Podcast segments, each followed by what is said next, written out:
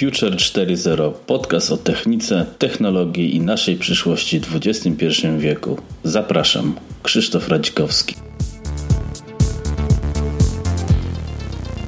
Cześć, witajcie w czwartym odcinku Future 4.0. Tym razem audycja będzie dość długa, więc aby nie, nie przedłużać, przejdziemy od razu do krótkiej zapowiedzi. Temat będzie bitcoinów. Mam fajnego gościa, który dość e, mocno się tym interesuje i przekaże nam wszystkie wydaje mi się przynajmniej podstawowe informacje i punkty, gdzie można zacząć, jeśli ktoś by chciał zacząć inwestować lub chociaż spróbować zabawy w bitcoiny, gdyż jest to no, ostatni e, już od paru lat hit i, i waluta, mm, wartość waluty wcale nie spada, a wręcz rośnie. Prawdopodobnie w najbliższym czasie będzie cały czas taki trend z racji, że mm, ilość bitcoinów jest skończona. Witam Ciebie i wszystkich y, słuchaczy podcastu. Zaczynamy. Bitcoiny to jest kryptowaluta. tak? Właściwie wirtualna. E, I właściwie to chyba każdy tyle wie. A czy możesz to dla laika zgrubnie rozszerzyć trochę? Jasne, nie ma problemu. To jest. Y, on, bitcoiny różnią się tym przede wszystkim od y, walut takich, które znamy, złotówek, euro, dolarów i tak dalej, że one nie mają emitenta, czyli wystawcy, no bo wiadomo, że gwarantem e, każdej waluty narodowej jest e, no, bank centralny danego kraju i powiedzmy ogólnie rząd. Natomiast e, gwarantem bitcoina jest dokładnie nikt. Mhm. Co z jednej strony no, jest takie troszeczkę zaskakujące, ale z drugiej daje to, że bitcoin jest walutą całkowicie politycznie niezależną powiedzmy, nie do ruszenia przez rządy. Mhm, no to słyszałem właśnie.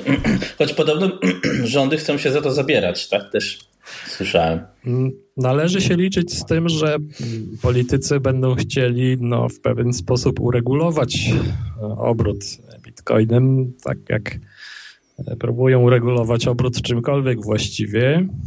No, do pewnego stopnia na pewno im się to uda, e, ponieważ w teorii Bitcoin miał wyprzeć tradycyjne waluty w ogóle ze świata, że tak powiem.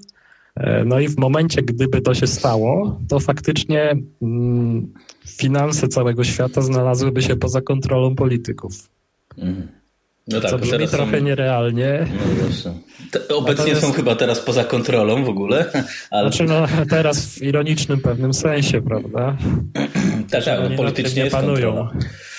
Natomiast y, no, realia są takie, że no, Bitcoin w, w tej chwili działa i jeszcze pewnie przez wiele lat będzie działał równolegle z y, walutami tradycyjnymi, przy czym te waluty tradycyjne będą miały jednak naturalnie sporą przewagę nad Bitcoinem i na styku, tam gdzie następuje wymiana, tam y, ta polityczno-finansowa kontrola może być faktycznie skutecznie egzekwowana i y, no, poniekąd trochę już jest egzekwowana. Mhm.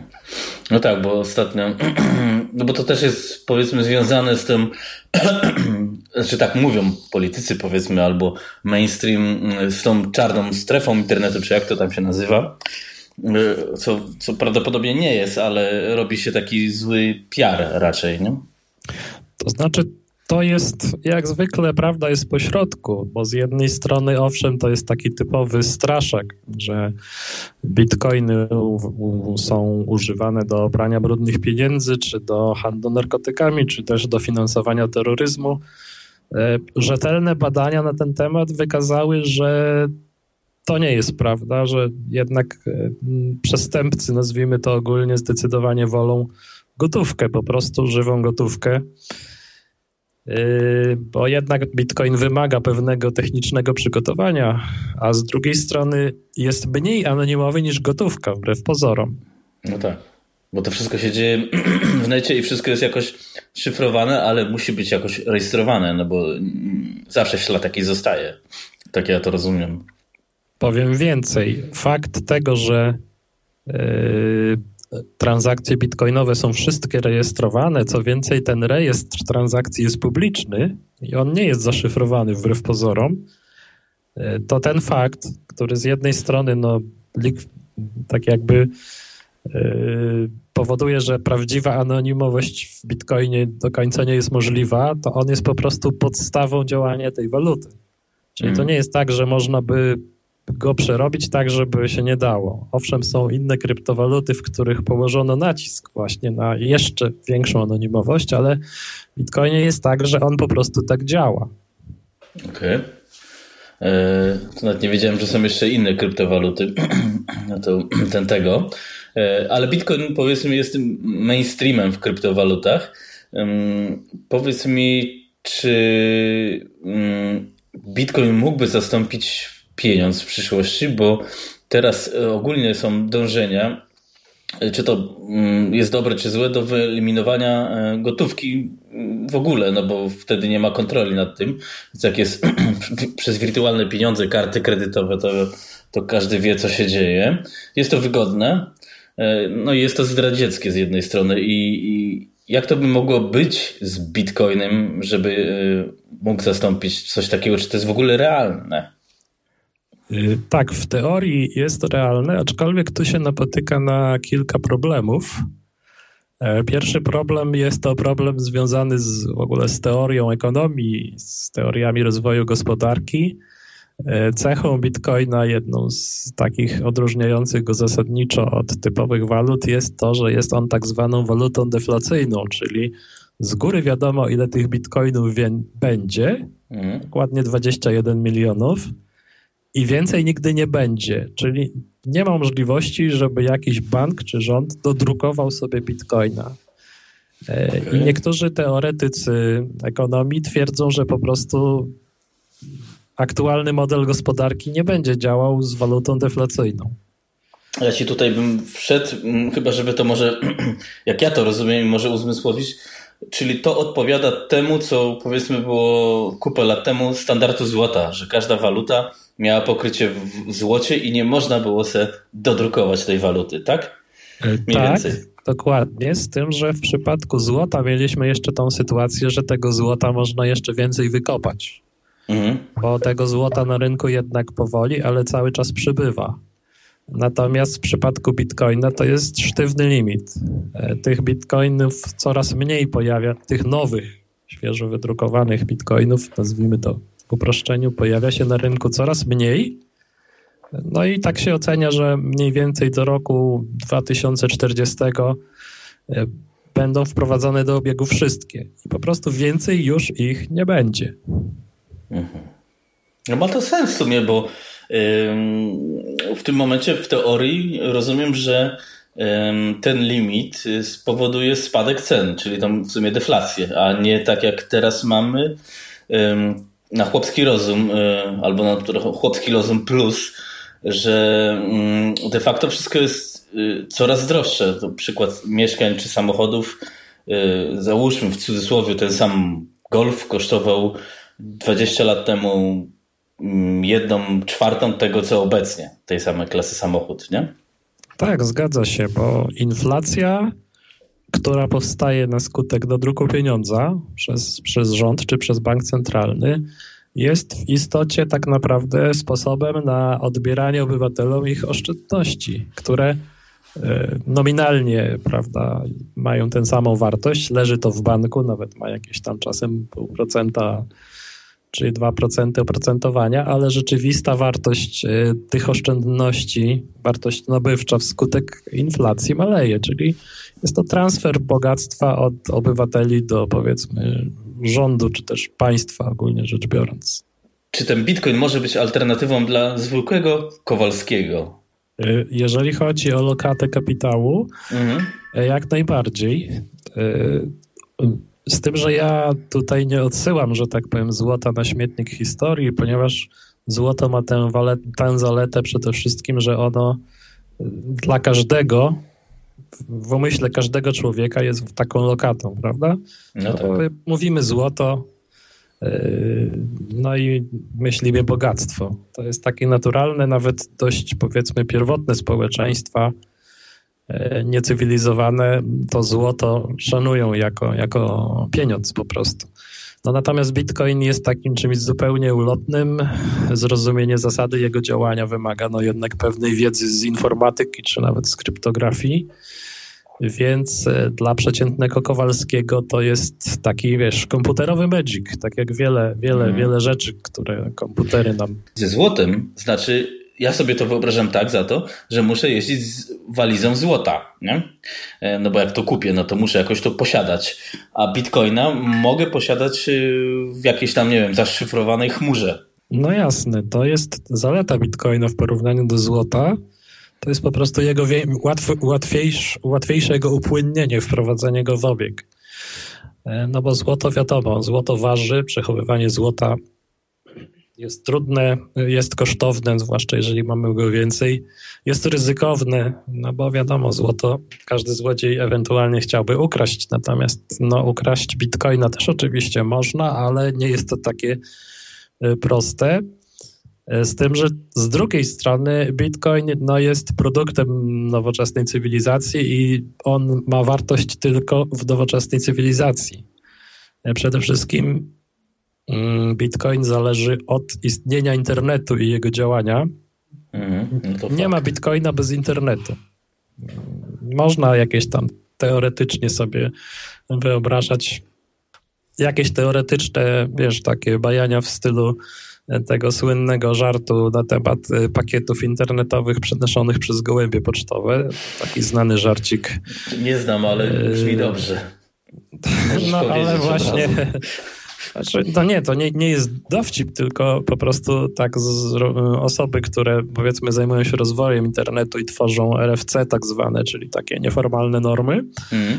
ustandaryzowali, dla żartu oczywiście, właśnie wymianę pakietów e, IP poprzez gołębie pocztowe i nawet przeprowadzono eksperyment, nawiązano łączność protokołem TCP między dwoma hostami za pomocą gołębi. No i to oczywiście działało, ale wiesz, wiadomo, że to jest zabawa, natomiast no, w praktyce to przepustowość czegoś takiego jest żadna. Yy, no i tak samo można sobie wyobrazić e, Bitcoina bez internetu. Teoretycznie możliwe jest to, ale w praktyce całkowicie bezużyteczne. Mhm. Czyli istnieje takie ryzyko, że mm, korporacje w najgorszym wypadku po prostu zamkną internet i ubiją mm, alternatywną walutę. Znaczy wiesz, no, pytanie, pytanie, pytanie czy, czy, czy, jak, czy korporacje mogły, czy w ogóle zamknięcie internetu jako całości jest możliwe? No, no właśnie. Moim zdaniem nie, ponieważ no, w wielu krajach istnieją przecież y, społecznościowe sieci, fizycznie sieć, sieć komputerowa jest społecznościowa całkowicie.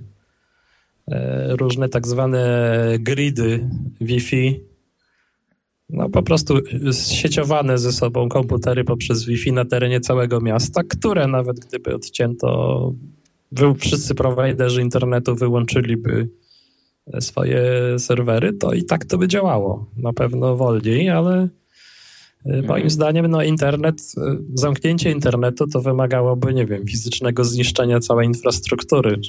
Czyli wiesz, teoretycznie eksplozja to, jądrowa. Dokładnie, w filmach science fiction jest zawsze Z tym, że wiesz, no, mi się wydaje, że ludzkość po wojnie jądrowej to będzie miała inne problemy, o ile jeszcze w ogóle będzie istnieć. Także, także no, snucie katastroficznych wizji ma pewien urok zawsze, ale jest mało produktywny moim zdaniem.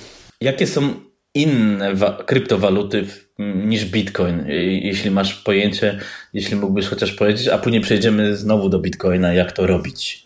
No, czy wiesz, ja cię zaskoczę, bo tych kryptowalut jest kilka tysięcy. Mhm. Z tym, że faktem jest, że oprócz Bitcoina liczących się kryptowalut, jeżeli na przykład mówimy e, o tak zwanym market capie, czyli łącznej wartości wszystkich żetonów danej kryptowaluty będących w obiegu, no to jest ich kilka. No jest y, taka waluta Ethereum, czy Ethereum, nie wiem jakby to należało poprawnie wymówić po mhm. angielsku. Jest Dash, y, jest Litecoin, y, no kilka by się pewnie jeszcze znalazło. E, z tym, że no, Bitcoin jest królem cały czas, wiesz, to tak jak ten standard MP3, który przecież nie jest ani najnowszy, ani najlepszy, ale ciągle jest zasadniczym formatem muzyki, prawda? No tak, to fakt. No tak, OGG I nawet chyba, też, OGG chociażby, czy jakieś tam Monkey Audio i cała masa innych y, One są technicznie lepsze, dają lepszą kompresję, mniej pogarszają jakość, co nie zmienia faktu, że się po prostu nie przyjęły, bo MP3 był pierwszy i osiągnął ten efekt masy krytycznej. Tu podobnie przy Bitcoinie obserwujemy podobne zjawisko. Oczywiście no, zawsze może być tak, że pojawi się jednak coś, co e, tego Bitcoina zmiecie z powierzchni, no ale na razie nic na to nie wskazuje. Hmm, powiedz mi, gdzie można je wydać w ogóle? No bo ktoś jeśli ma, no to może by chciał coś za nie coś kupić. E, no to jest, e, jest trochę możliwości, chociaż e, no to wyłazi, że tak powiem, fakt, że tak naprawdę gdybyśmy chcieli żyć za bitcoiny w Polsce, no to nie mielibyśmy słodko. No generalnie są jest kilka takich jakby kanałów. Po pierwsze, istnieje sporo sklepów internetowych, czy sporo, wiesz, to procentowo to pewnie są jakieś ułamki procentów w odniesieniu do całego handlu internetowego, które po prostu przyjmują bezpośrednio bitcoiny.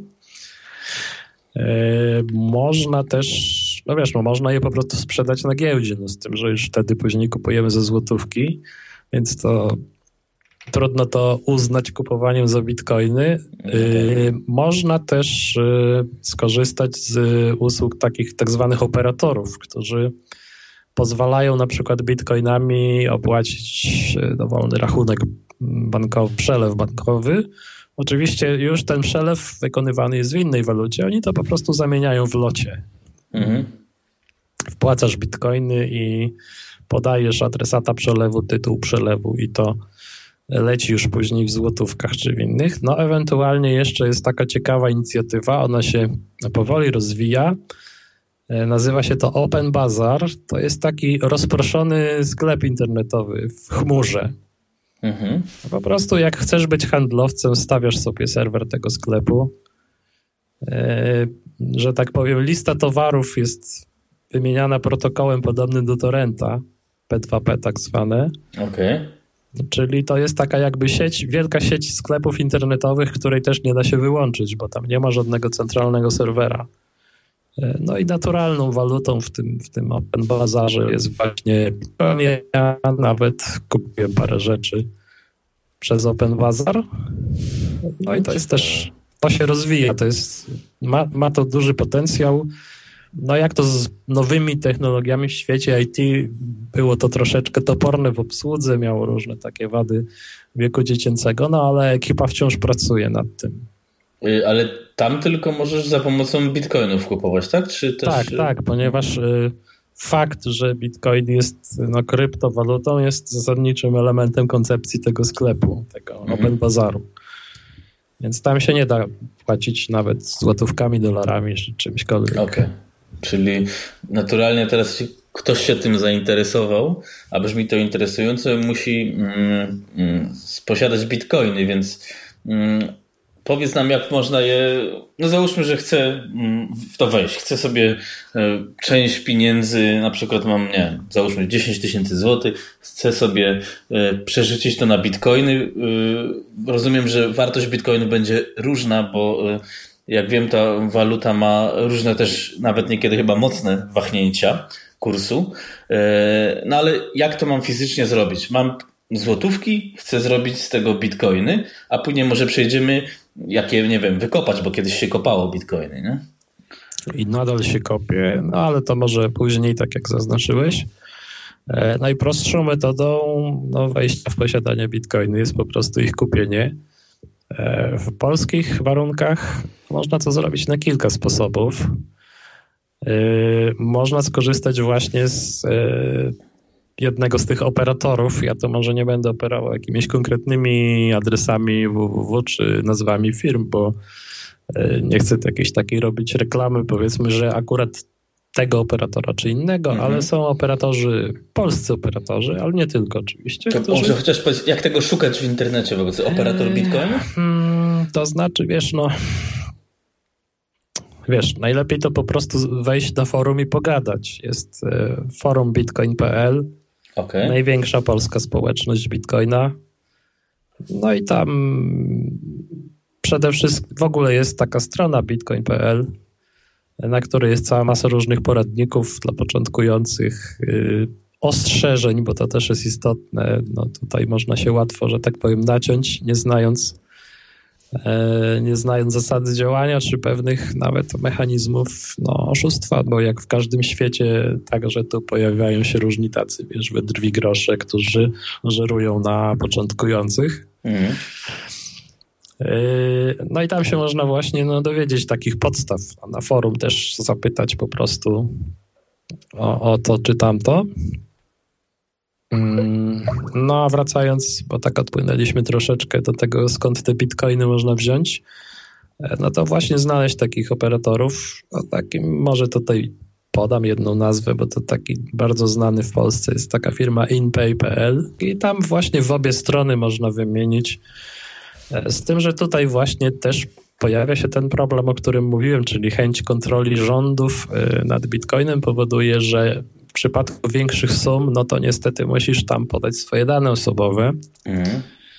E, można, niewielkie ilości można kupić czy sprzedać anonimowo, natomiast no, tych operatorów obowiązują regulacje finansowe podobne do tych, które na przykład zobowiązują banki do zgłaszania transakcji powyżej 15 tysięcy euro, prawda? Mhm. Mamy okay. takie regulacje i tutaj też mamy takie regulacje, więc trzeba się liczyć z tym, że chcąc kupić większą ilość bitcoinów, będziemy musieli no, przedstawić się tak, jak musimy to zrobić, powiedzmy, w banku, zakładając konto. E, podobnie jest na giełdzie, bo można też kupić, jest kilka giełd w Polsce bitcoinowych, też można tam kupić, sprzedać. E, z tym, że też jest wymagana z reguły weryfikacja, czyli podanie danych osobowych. Nie, no to wynika po prostu z, no powiedzmy, nacisku władz, mówiąc krótko, czy powiedzmy aparatu skarbowego. Jedna możliwość to kupić po prostu od kogoś, jak to się mówi, face to face. Mhm. No tylko trzeba taką osobę znać i no powiedzmy tak. mieć do niej jakieś tam zaufanie w miarę. No bo to się tak odbywa, że wykładamy gotóweczkę, a ta osoba przy nas puszcza bitcoiny nam na adres. Także no, trzeba to po prostu robić z osobą, którą znamy, czy też jej ufamy po prostu. Jasne. Mm, jak to wygląda z podatkami? To się do podatku jakoś wlicza, czy na szczęście jeszcze nie? Mm, to znaczy, tutaj jest y, kilka zagadnień podatkowych. E, na początku był taki problem, że bitcoiny były traktowane przez urzędy skarbowe jak, nie jako pieniądz, tylko jako towar. W związku z tym przynajmniej teoretycznie każda transakcja wymiany bitcoinów na złotówki była y, obłożona podatkiem VAT. Mhm. To się na szczęście zmieniło. Mieliśmy w kwietniu chyba zeszłego roku wyrok Europejskiego Trybunału Sprawiedliwości, który stwierdził, że e, transakcje wymiany kryptowaluty na waluty tradycyjne nie są objęte podatkiem VAT. Mhm, natomiast dobrze. oczywiście tak, natomiast może się pojawić kwestia podatku dochodowego w dwóch miejscach. Po pierwsze, w przypadku osób, które kopią te bitcoiny, no bo mają pewien dochód, prawda? No i drugi przypadek, tak zwana gra na giełdzie, czyli jak to się mówi, sprzedać drożej, kupić taniej. No tak, to tak w normalnym życiu, że tak powiem. To jest to samo, nie?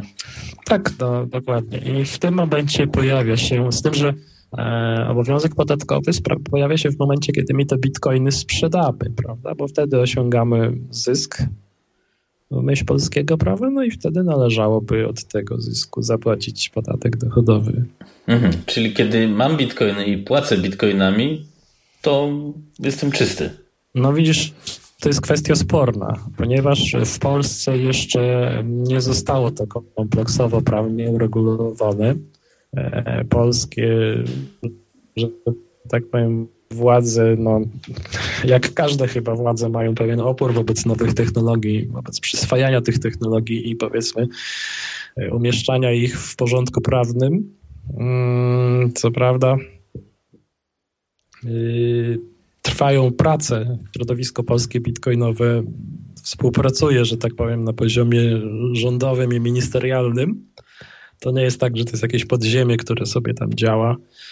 i liczy na to, że rząd y, nie zwróci uwagi, tylko jest po prostu współpraca, jest, jest rozmowa. Mm, także to prawo nowe, które będzie powstawać, powstaje przy współudziale entuzjastów i, i społeczności. No ale na razie jeszcze nie powstało w pełni. No i to są sprawy takie, no, dyskusyjne niestety, jak to zresztą polski system podatkowy ma to do siebie, że wiele jest takich miejsc niejednoznacznych. Mhm, no, tak. E, no i tutaj jest to różnie. No teoretycznie jest tak, że jeżeli coś kupimy za bitcoiny, no to jest to też jakiś dochód. No bo no tak jak on powstaje w innym momencie, bo jeżeli na przykład dostajemy wypłatę, i później idziemy do sklepu i coś kupujemy, no to ten podatek zapłaciliśmy w momencie, jak dostaliśmy wypłatę. No i jak coś kupiliśmy też generalnie. Bo znaczy, jak, to tak, ale to jest VAT, nie? To, to A, okay, oddzielmy no to. E, natomiast e, w momencie, gdy ktoś nam na przykład zapłacił za robotę w bitcoinach, no to my nie płacimy wtedy żadnego podatku w tym momencie. Natomiast kiedy my te bitcoiny e, w sklepie jakimś kupujemy coś za nie, no to, no to wtedy ten obowiązek powinien e, powstać. Zwłaszcza, że najczęściej jest tak, że firmy czy też sklepy przyjmujące bitcoina, one też korzystają z usług operatora, który od razu im to w locie zamienia na złotówki, czyli firma otrzymuje zysk w złotówkach. Mhm. No i teoretycy prawa podatkowego mówią, że w tym momencie, kiedy następuje ta zamiana na złotówki, no to my tak jakby te bitcoiny sprzedaliśmy i w tym momencie osiągnęliśmy ten nasz zysk, od którego należałoby zapłacić podatek dochodowy. No wiesz, ja tu się nie chcę stawiać w roli jakiegoś eksperta podatkowego, żeby było jasne. Nie, no jasne, to jest... Więc ja mogę nie mieć racji w tym, co mówię. Ale przynajmniej wiemy, że to nie jest takie proste. O. No nie jest. Znaczy wiesz, no, praktyce jest różnie, no bo dobrze wiemy, że w spłacaniu podatków ogólnie w praktyce bywa różnie. No to, to, już, to już pominimy. No i na tym możemy zakończyć Dokładnie. ten kierunek Nie będziemy dyskusji. wnikali. To teraz może jak już wiemy, jak pozyskać bitcoiny, w sensie e, można tutaj się zaopatrzyć tam, e, owego czasu, nie wiem, to było pewnie z 5-10 lat temu, kupa osób kopało te bitcoiny, czyli wydobywało. Y, z tego co wiem teraz, to już podobno się raczej nie bardzo opłaca, albo przynajmniej trzeba mieć więcej, więcej trzeba wsadzić w komputery prąd, żeby to wykopać, niż się zyskuje. Jak to wygląda wobec tego? Yy, tak, to na początku to kopanie bitcoinów po prostu robiło się za pomocą komputera. Jest to proces, który no, z jednej strony wymaga dużej mocy obliczeniowej, a z drugiej strony mm, jest to proces zyskowny, ponieważ e, Bitcoin działa w ten sposób, że e, co 10 minut średnio mm, następuje tak zwane wykopanie bloku. To jest po prostu złożona operacja obliczeniowa.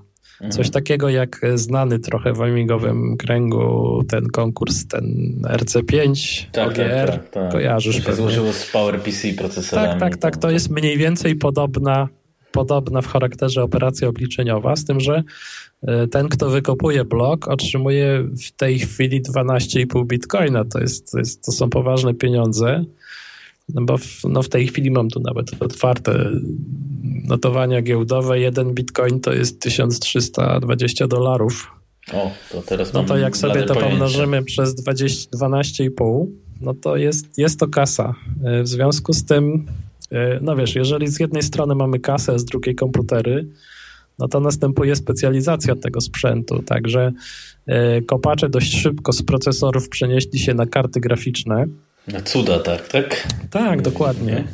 Y, wręcz y, można było powiedzieć, można stwierdzić, że y, kopacze bitcoina w znacznym stopniu nakręcili rynek kart graficznych, czego gracze nawet nie są świadomi do końca. No bo to się kupowało te karty po prostu całymi kartonami. 10, 20, 40 E, mm, najczęściej było tak, że po prostu kupowało się płyty główne, które miały dużo slotów, podłączało się do jednego komputera 5 albo 6 grafik okay. naraz, no i to zasuwało. E, z tym, że następnym etapem rozwoju były układy FPGA, e, które były szybsze, bo po prostu tam się już wypalało w nich konkretnie tylko ten algorytm kopania i nic więcej. W tej chwili to już są układy ASIC, czyli to są układy robione w fabrykach już w krzemie na zlecenie. To hmm. kosztuje hmm. chore pieniądze, ale przy takich zyskach, no to, e, no to tak to właśnie wygląda. I to są tak zwane koparki, czyli specjalizowane maszyny. Nie są to już komputery w zasadzie, e, które służą tylko i wyłącznie do kopania bitcoinów. Oczywiście to się bardzo scentralizowało w tej chwili, e, ponieważ no, są po prostu duże firmy, które mają tych koparek dziesiątki tysięcy Yy, I to są najczęściej firmy chińskie, ponieważ oni tam mają dostęp do bardzo taniego prądu, bo to jest mhm. bardzo istotny czynnik. To zużywa nieprawdopodobnej ilości mocy. Yy, no i w zasadzie teraz taki jakiś jeden kopacz z komputerem to w ogóle, wiesz, jest, nie ma żadnych szans, bo on będzie miał nie tak ma sensu moc. próbować nawet. Tak, nie tak. ma nawet sensu próbować. Yy, pewną możliwością jest kopanie tych różnych walut alternatywnych, altcoinów tak zwanych, mhm. ponieważ no tam z jednej strony jest y, mniej wyśrubowane są te wymagania obliczeniowe, a z drugiej też twórcy tychże altcoinów y, dążąc do, tak jakby broniąc się przed centralizacją wykopywania, tworzyli algorytmy, które się ciężko umieszczają w tych układach ASIC, które wymagają na przykład bardzo dużo RAMu. Mhm. I w tym momencie karty graficzne, no teraz wiesz, miewają tam po 2, 4 czy 8 gigabajtów nawet pamięci graficznej, no to są w sumie najlepszym w tej chwili środkiem do kopania tego i nie da się tego przenieść na ten wyższy szczebelek, czyli FPGA. Mhm. No z tym, że te altcoiny, no to wiadomo, tam dziś są, jutro ich nie ma, także to jest takie troszeczkę, wiesz, zabawa dla studentów, nazwijmy to w ten sposób. Tam powiedzmy zarobić pieniądze na tym, tylko trzeba się cały czas orientować w temacie, które z tych e, altcoinów są w danym, w danym momencie zyskowne do kopania i tak dalej. Trzeba po prostu siedzieć, śledzić to na bieżąco. Okej. Okay. E, no dobra, czyli a możesz powiedzieć chociaż w dwóch zdaniach, na czym polega fizycznie to kopanie bitcoinów? No bo wiesz, no, większość ludzi nie, nie wie o co kaman, jak, jak to działa, nie wiem. No ale to wygląda tak, że tak zwany blok bitcoina to jest po prostu mm, plik danych, w których są zawarte transakcje bitcoinowe, jakie w ostatnich 10 minutach miały miejsce, ponieważ e, każda transakcja w momencie, kiedy ja wysyłam kasę komuś na przykład, mhm. jest rozgłaszana w sieci, bo bitcoiny to też jest sieć P2P, tak jak torrent na przykład, coś w tym rodzaju. Nie ma jakiegoś centralnego serwera, tylko jest ileś tam tysięcy węzłów na świecie, czy milionów i jeżeli ja wysyłam bitcoiny komuś, no to ten fakt zostaje rozgłoszony po całej sieci I ta moja transakcja zostaje dołączona do bloku. Mm, I ten blok ma jakąś tam sumę kontrolną, nazwijmy to, można ją policzyć. Okay. Z tym, że to jest tak zwany hash, czyli funkcja SHA-256. To, to jest, no, nie jest to specyficznie nic bitcoinowego. To jest to, to jak chyba pliki ściągasz, to też możesz sprawdzić. Tak, dokładnie, nie? dokładnie. Mhm. To jest takie jak MD5 słynne, tylko trochę bardziej bezpieczniejsze, że tak powiem, kryptograficznie. E, no i wszyscy, którzy chcą kopać ten blok, to muszą modyfikując pewne jego niewielkie e, części, oczywiście wiadomo, że każdy jeden zmieniony byte zmienia nam też tego, tego hasza, będę się posługiwał tym, tym mhm. żargonowym określeniem.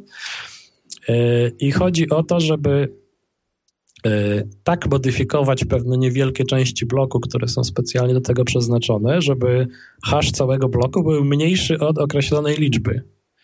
No to się robi metodą siłową, czyli trzeba po prostu próbować bardzo szybko kolejne kombinacje i wykryć ten fakt, kiedy ten hash znaleziony jest mniejszy od tej określonej liczby. E, w momencie, kiedy znajdujemy to, to wtedy szybko rozgłaszamy ten fakt w sieci, no i ten blok jest nasz. My dostajemy wtedy za niego e, okay. te, tą premię i no i później on jest, wiesz, ta suma kontrolna jest umieszczana z kolei w następnym bloku, czyli te bloki tworzą taki jakby łańcuch. Mhm. E, I ponieważ te sumy kontrolne właśnie zabezpieczają się wzajemnie, to nikt nie jest w stanie zmodyfikować wstecznie tego, tego łańcucha, bo wtedy wszystkie sumy kontrolne się posypią. Okay. Musiałby je znaleźć tak jakby jeszcze raz, czyli musiałby ktoś dysponować mocą obliczeniową większą niż cała reszta sieci. Musiałby, musiałby być taki, można nazwać to reverse engineering, tak? W tym tak, momencie. dokładnie. Mhm. Także to jest oczywiście niemożliwe, znaczy teoretycznie jest to możliwe, gdzieś tam wiesz po cichaczu jakieś tam w lochach e, miliardy koparek e, ukryta elektrownia atomowa zasilająca to wszystko, no ale to zejdźmy na ziemię z powrotem, także e, w ten sposób właśnie te komputery, które kopią, to one tak jakby kryptograficznie zabezpieczają łańcuch bloków Bitcoina, który jest spisem wszystkich transakcji, jakie miały miejsce, wszystkich, dosłownie wszystkich, e, przed wsteczną modyfikacją. A ponieważ jest to rejestr publiczny, i on nie jest zaszyfrowany, tylko jest zabezpieczony sumą kontrolną, to każdy węzeł Bitcoina może sprawdzić każdą transakcję, która miała miejsce w przeszłości. Czyli na tym to polega ta zagadka, że y, nikt do nikogo w tej sieci nie musi mieć zaufania, bo jeżeli mamy system tradycyjny, czyli bank i konta, to my musimy mieć zaufanie do banku, że on będzie nam utrzymywał stany tych kont, prawda? Że nie będzie jakichś wałków, że nagle coś się komuś gdzieś przelało. Musimy mhm. mieć zaufanie. Natomiast w Bitcoinie, ponieważ ten wykaz transakcji jest e, po pierwsze publiczny, po drugie zabezpieczony przed wsteczną modyfikacją, to nikt nikomu nie musi ufać. Bo każdy w każdej chwili może sprawdzić. Jeżeli ja twierdzę, że ty mi wysłałeś jednego bitcoina, a ty mówisz, no sorry gościu, ale ja ci nic nie wysyłałem, mhm. Y no to po prostu sprawdzamy. Każdy z tysięcy węzłów sprawdza to w łańcuchu. No i widać, że wysłałeś mi. Nie możesz ściemnić, że nie wysłałeś, bo to jest w bloku. No jasne. No to jest ten. Właściwie to jeszcze trzeba by się, się zasłuchałem, ale właściwie yy, powinniśmy też poruszyć pokrótce kwestię E, kto to w ogóle wymyślił, bo nie, chyba nie powiedzieliśmy, e, kto był za to odpowiedzialny i w sumie za e, no, wymyślenie całego mechanizmu. A no widzisz, to jest też ciekawa sprawa, ponieważ tak dokładnie nie wiadomo, kto to wymyślił. W 2008 roku człowiek ukrywający się pod pseudonimem Satoshi Nakamoto E, opublikował na którejś z list dyskusyjnych poświęconych kryptografii właśnie mm, tak zwany white paper, czyli po prostu PDF-a, pracę naukową w zasadzie można powiedzieć, opisującą zasady działania Bitcoina. Natomiast on uruchomił tę sieć na początku roku 2009, wykopał pierwsze bloki. No i tak to się zaczęło, ale tożsamość Satoshi Nakamoto, czy to jest człowiek, czy to jest grupa, kto to jest, z jakiego kraju, jest nieznana. Oczywiście w historii Bitcoina już tej ośmioletniej pojawiło się szereg e, dziennikarskich śledztw, e, czy też wręcz uzurpatorów, którzy sami usiłowali podać się za Satoshiego, ale no, wszystkie, te, wszystkie te próby zostały ostatecznie obalone udowodniono, że, że, że to nie może być Satoshi. No i tożsamość tego człowieka pozostaje do dziś nieznana. Mhm. Okej. Okay. Ważne chyba jest dla zwykłego śmiertelnika mimo wszystko jednak, bo już mm, powiedzieliśmy jak mm, dokonać zakupu, a jak ten portfel y, bitcoinowy mam trzymać w komputerze, nie wiem, w telefonie pewnie też są aplikacje y, i właśnie, bo to też jest istotne. No załóżmy, że zainteresowałem się, załóżmy, że jeden bitcoin 1300 dolarów kosztuje, załóżmy, że chcę kupić sobie 3 bitcoiny y, i gdzie ja mam później, co się dzieje? No kupuję i co? Mm, no, zanim kupisz, musisz posiadać adres bitcoinowy, co najmniej jeden, mhm. czyli portfel musisz zainstalować albo na komputerze, albo na telefonie, albo też ewentualnie są portfele webowe, takie coś jak aplikacje webowe, ale nie są zalecane e, do trzymania większych sum. E, czyli ten portfel musisz mieć najpierw. No i tutaj jest e, spory dosyć wybór z tym, że są tak zwane pełne portfele, pełne węzły. One się charakteryzują tym, że przechowują całą tą historię transakcji, te wszystkie bloki na dysku. Z tym, że to zajmuje w tej chwili 120 gigabajtów. Czyli primo musisz mieć tyle miejsca na dysku, sekundo musisz to pobrać z sieci. Mhm. E, oczywiście można. Ja mam na przykład taki na swoim komputerze pełny portfel, tak zwany Bitcoin Core. To jest taki, można powiedzieć, oficjalny portfel. Natomiast no, nie jest to praktyczne i dla początkujących użytkowników nie jest to w zasadzie zalecane. E, są też tak zwane portfele lekkie, które nie przechowują te, tego całego łańcucha. E, jeżeli chcą sprawdzić jakąś transakcję z przeszłości, to po prostu pytają węzły pełne o, o to. One sobie tam zaglądają do tego łańcucha i zwracają im odpowiedź. E, no i jest, jest kilka takich, jest Electrum, Multibit, e, są jeszcze jakieś dedykowane też portfele dla smartfonów. Ja troszeczkę tam nie znam ich nazw, bo nie mam żadnego smartfona jeszcze, e, ale można to znaleźć, można zapytać właśnie na forum, który jest, który jest najlepszy i one no dzięki temu, że no trudno, żeby na smartfonie nagle gdzieś 120 gigabajtów danych leżało, to raczej jeszcze nie, nie te czasy. No tak no i z reguły też te portfele lekkie są takie bardziej przyjazne użytkownikowi, czyli mniej tych technicznych detali jest wyeksponowanych w interfejsie, są po prostu prostsze w użyciu. Na przykład e, pozwalają na wczytanie adresu bitcoinowego ze strony czy z wydruku jako tego kodu QR, tego takiego kwadratowej mhm. mozaiki kropeczek, czyli jeżeli e, zachodzimy na przykład do sklepu, który takie bitcoiny przyjmuje, a co ciekawe na przykład jest w Polsce e, parę takich sklepów, gdzie można zapłacić w ten sposób, no to po prostu mm, jest kod tego sklepu gdzieś na kasie, my skanujemy telefonem ten kod e, i wbijamy tylko ile chcemy przelać, klikamy jest i poszło. Mhm. To jest coś podobnego jak teraz można powiedzieć dla Blik, tak? W Polsce. No wiesz, mi się wydaje, że takie systemy jak Blik to są po prostu systemy inspirowane Bitcoinem w pewien Tak, sposób. no ale wiesz, no ja próbuję, że tak powiem, to wytłumaczyć tak, większości tak, to... ludzi. Podejrzewam, że więcej ludzi wie, co to jest Blik niż Bitcoin, nie? Mm, pewnie tak, pewnie tak. Y, tak to właśnie działa, czyli skanowanie kodu albo też ten y, bezprzewodowy system NFC, który jest w nowych smartfonach, może być wykorzystany do, do płatności Bitcoinem. Y, no te aplikacje na telefony po prostu są takie bardziej przyjazne, chociaż portfele na komputery inne niż Bitcoin Core no, są też całkiem sympatyczne e, w użyciu. No ten core też nie jest jakiś tam, wiesz, czarna magia, tylko te 120 gigabajtów. Jak ktoś jest, ja, ja to po prostu jestem entuzjastą i tak jakby można powiedzieć wspieram sieć, prawda, no bo ileś tych pełnych węzłów musi być, żeby to działało. Okej. Okay. Natomiast y, to nic mi nie daje, że tak powiem finansowo, że ja tak trzymam ten pełen węzeł, po prostu takie wsparcie bezinteresowne. Czy da się na tym, załóżmy, że jestem, nie wiem, biznesmenem albo chcę yy, no, oprzeć swój biznes na tym albo życie na tym. Nie chcę żyć na poziomie, nie wiem, Maybacha, ale chcę żyć na poziomie zwykłego człowieka.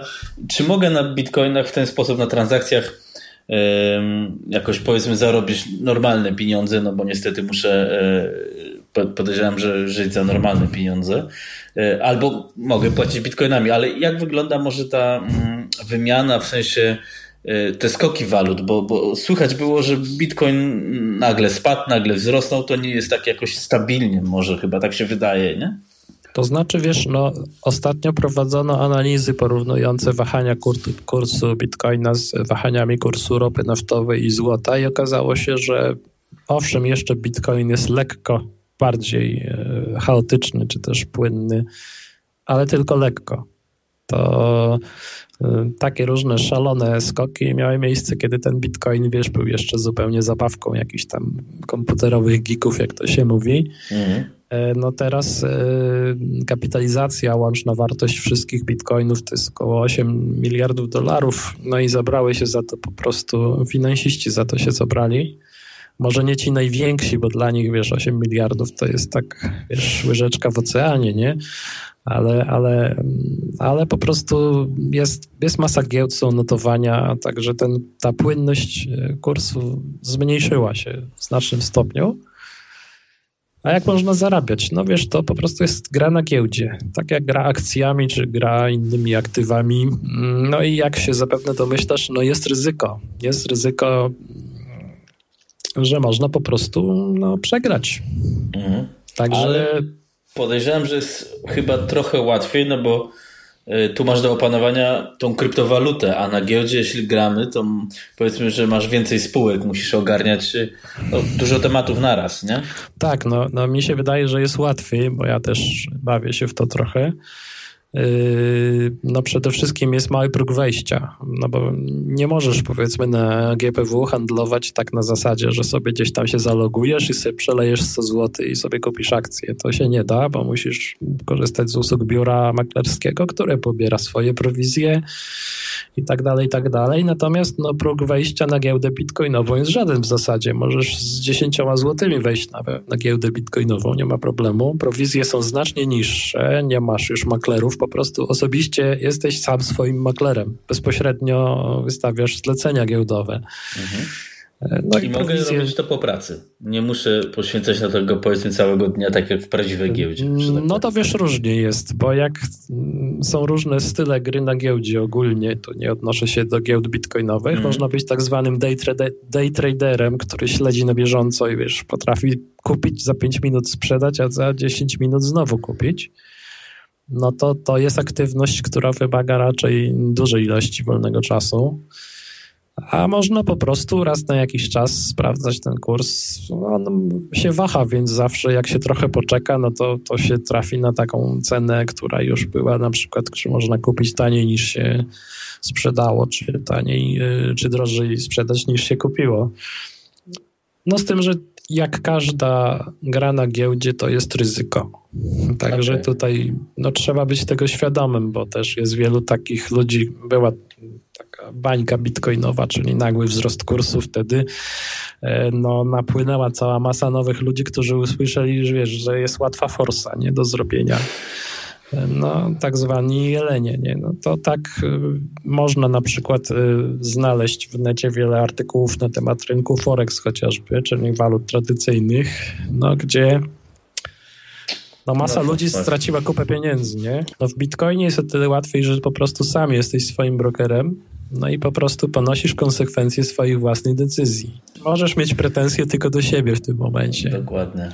Eee, słuchaj, no to tak naturalnie bym się zapytał wobec tego, no bo to jest ciekawe, tak jak mówiłem, mam 10 tysięcy złotych, eee, ale dobra, faktycznie jaka, z, z jaką kwotą uważasz jest sensownie wejść i ewentualnie czego się zaczepić? Czy y, zobaczyć notowania z ostatniego roku, żeby zobaczyć kiedy warto kupić znaczy wiesz, tutaj od razu no, to będą takie moje prywatne powiedzmy rady. Ja jestem średnio, że tak powiem, skutecznym traderem, ale na plusie i to dość ładnie na plusie. Zacząć możesz nawet najlepiej zacząć stówką chociażby, licząc się z tym, że tą stówkę i być może dwie następne po prostu stracisz, zanim zaczniesz pływać w tym basenie. Y, dlatego nie warto od razu wchodzić dużą kasą. Tak jak mówię, no tutaj rynek, próg wejścia jest bardzo niski. W zasadzie tylko jedynie płacisz prowizję od sprzedaży kupna, to są rzędu od 1,1 do 0,5% maksymalnie.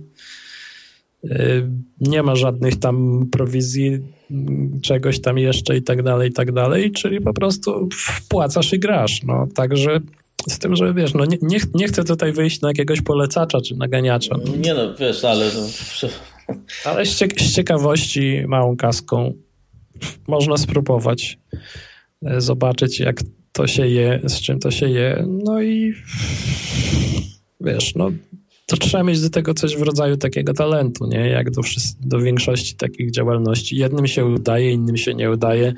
No największy problem mają ci, którzy myślą, że jak wpadną z grubą kasą, to ją, wiesz, pomnożą razy dwa w ciągu tygodnia. E, Generalnie może tak, bo to jest, z tego co słyszę, no to jest faktycznie niski próg wejścia i, i to można nawet sobie spróbować przy okazji czegokolwiek. A z tego, co ty też mówisz o tej grubej kasie, to jest też pewnie tak jak y, na giełdzie. Albo spekulujemy, albo po prostu inwestujemy powiedzmy długofalowo. No tam na giełdzie to pewnie jest 10 lat, żeby mieć zysk, bo wtedy będziesz miał prawdopodobnie zawsze zysk, a, a, a, nie, a nie bawimy się w spekulacje. No. Dla znaczy, no, śmiertelnika. E, tak zwana inwestycja długoterminowa w bitcoina jest o tyle mm, mało ryzykowna, że prosta matematyka mówi nam, że jeżeli bitcoin będzie miał coraz większe, że tak powiem, ilości pieniędzy będą w niego inwestowane, będzie stanowił coraz większą część światowej gospodarki, no to ponieważ ilość tych bitcoinów jest ograniczona, a mają w, w domniemaniu przejąć coraz większą, coraz większy obrót, no to kurs musi rosnąć. To jest prosta, brutalna matematyka. Mhm. E, oczywiście to nie jest tak, że on rośnie cały czas liniowo, są wzloty i upadki. Poza tym, no wiesz, to jest takie założenie pozytywne, że ten bitcoin nie zniknie, tylko będzie się cały czas rozwijał, które nie do końca musi być prawdziwe. No ale generalnie trend bitcoina długoterminowy jest cały czas w górę, czyli e, to ryzyko mm, długoterminowej inwestycji jest mniejsze niż w przypadku na przykład giełdy. Mhm. Rozumiem. No, bo to podejrzewam, że wystarczy sobie ściągnąć, nie wiem, ostatnie 2-3 lata kursów i zrobić linię trendu, albo pewnie już to jest tak, to w wiesz, internecie i to no wszystko wiadomo, wychodzi. wiadomo, że jeżeli chce się skutecznie grać, y, to warto też y, no, coś wiedzieć o tej tak zwanej analizie technicznej kursu, y, analizie fundamentalnej, czyli też zapoznać się z tym, co się dzieje w społeczności Bitcoina, jakie tam są trendy rozwojowe i tak dalej. Więc jak na każdej giełdzie, żeby osiągać zyski, to trzeba po prostu się popracować. Mhm. To nie jest tak, że to pieniądze spadają z nieba. No jasne. No ale brzmi to, powiem, zachęcająco i nie brzmi to tak, wiesz, teraz ja mam przynajmniej też większe pojęcie i nie brzmi to tak magicznie i strasznie jak, jak powiedzmy godzinę wcześniej. Więc mm, może nawet sam kiedyś spróbuję, albo nawet niedługo. A czemu nie? Mm, tym bardziej, że próg wejścia, jak mówisz, nie jest straszny, więc. Ja myślę, że z tych bitcoinów to chyba bym wszystko y, miał. Mm, chciałbyś coś dodać, bo ja tutaj się nie czuję bynajmniej ekspertem, więc nie znaczy, wiem. Wiesz, moglibyśmy drążyć stronę techniczną, ale z drugiej strony to mogłoby tak troszeczkę nie do każdego trafiać, bo jednak. Yy do korzystania z Bitcoina dogłębna znajomość tej, tej, tej zasady jego działania, tej sfery technicznej nie jest zawsze potrzebna. Zawsze można się też wspomóc wiedzą kolegów z forum na przykład e, w razie jakichś tam problemów, no bo problemy jak wszędzie się czasami zdarzają. Najczęściej wynikają z braku wiedzy, no ale jest różnie. Ale myślę, że nie ma sensu tego od strony technicznej jakoś tutaj drążyć. No, no ja myślę, że to jest wystarczająca zachęta, żeby ktoś, kto się zainteresował, yy, będzie w notatkach do podcastu tam tych parę linków, które wymieniłeś, których oczywiście nie polecasz, ale jednak jakiś punkt zaczepienia to jest yy, i każdy może sobie zgłębić wiedzę. Dobra, Grzesiek, dzięki, do usłyszenia. No ja również dziękuję i do usłyszenia. Cześć.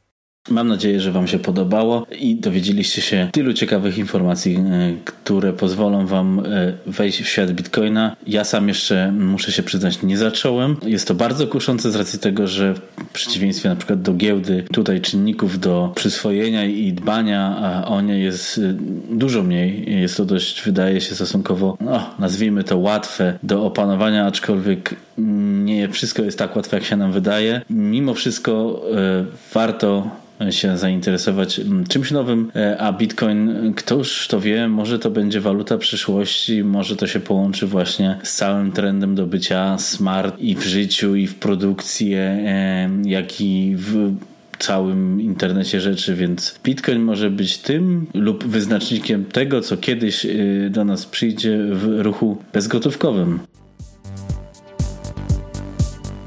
Dziękuję za wspólnie spędzony czas. Zachęcam do subskrypcji oraz oceny podcastu na platformie iTunes. Notatki do odcinka znajdziecie na stronie krzysztofradzikrowski.com.